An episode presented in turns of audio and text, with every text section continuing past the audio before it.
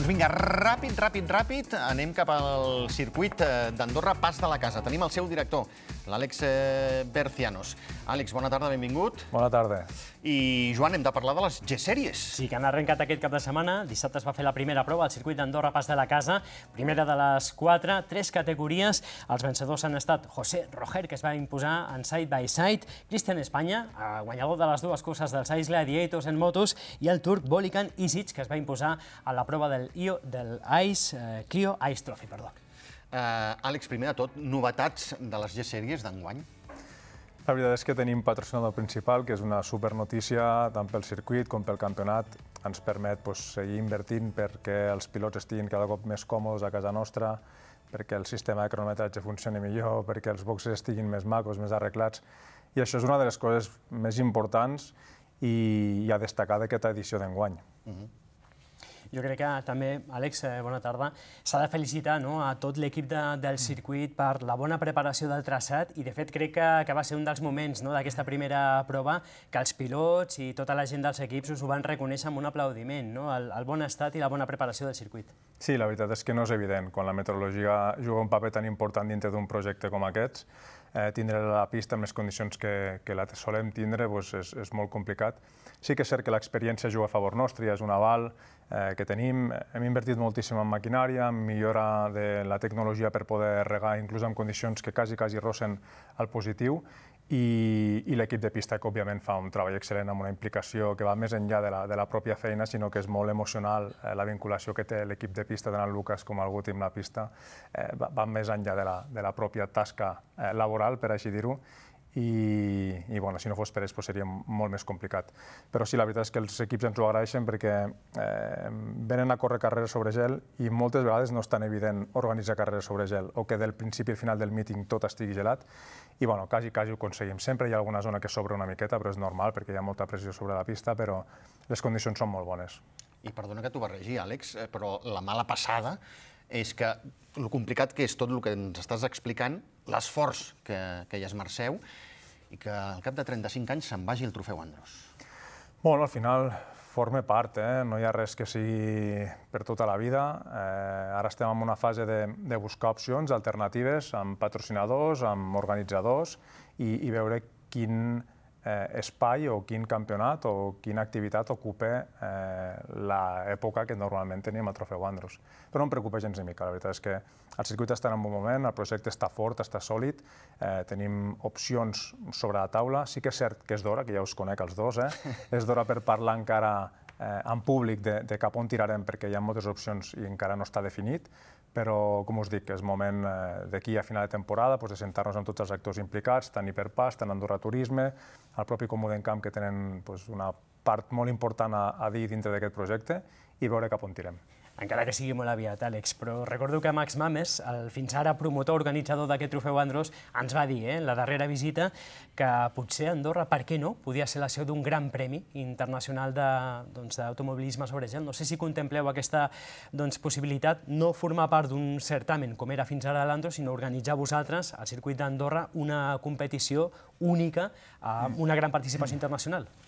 La veritat és que com més passa el temps i més experiència tinc amb aquest projecte, més em dono compte que tenim algo eh, molt exclusiu, molt singular, molt únic. No? És una instal·lació a gran alçada, amb un munt de serveis annexos que normalment aquest tipus d'instal·lacions no tenen.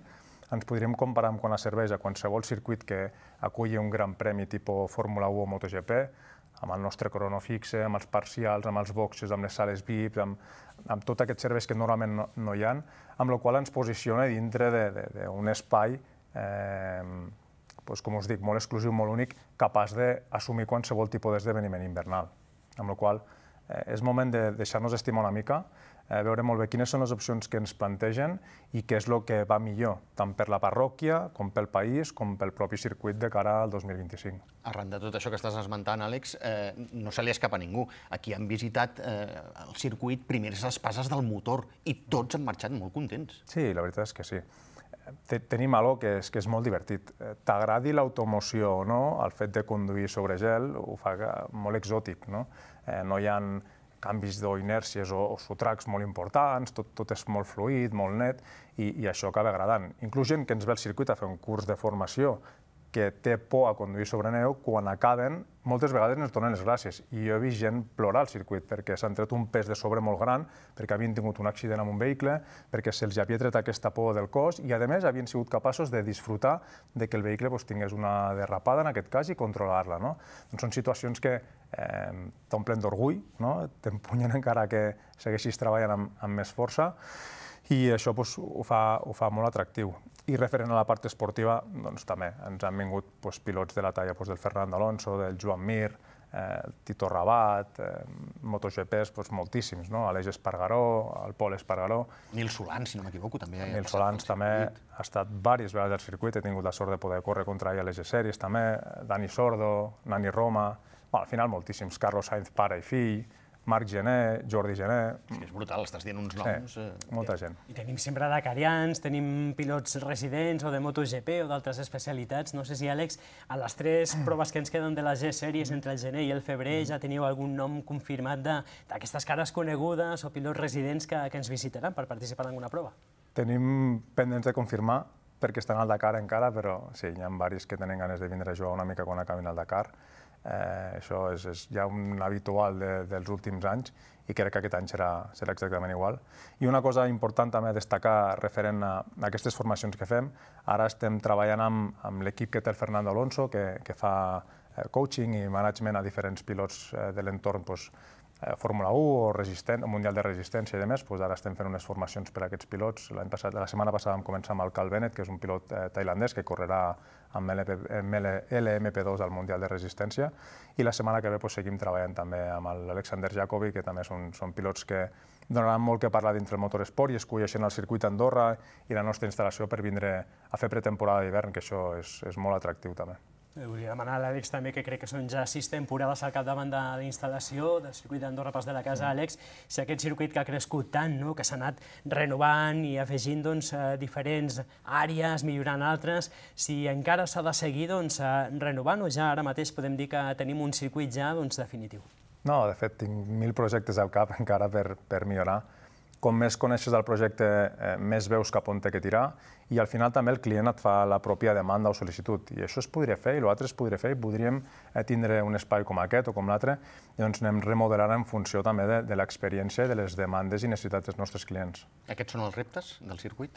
Sí, sí, sí, sens dubte. Jo crec que ara hem de tindre un esdeveniment d'estiu eh, potent, eh, ja ho estem treballant, de fet amb un organitzador que es diu Eurocriu, l'any passat ja vam ser capaços de ficar 4.000 persones en dos dies al, al circuit, que això era algo que, que no s'havia fet eh, absolutament mai abans, i hem de reforçar i potenciar aquest esdeveniment, per què no? Algun altre també, i després, eh, un dels somnis que, que, que tenim és, és poder igualar, el circuit té tres plataformes, poder igualar la plataforma 3 amb la plataforma 2 per fer un espai sobretot de formació i de cursos de, de seguretat vial, que sigui operatiu tant a l'hivern com a l'estiu, eh, per poder donar servei a aquests conductors que més ho necessitin. Àlex Bercianos, director del circuit d'Andorra Pas de la Casa, gràcies. A vosaltres. Joan López, gràcies. Fins dilluns vinent.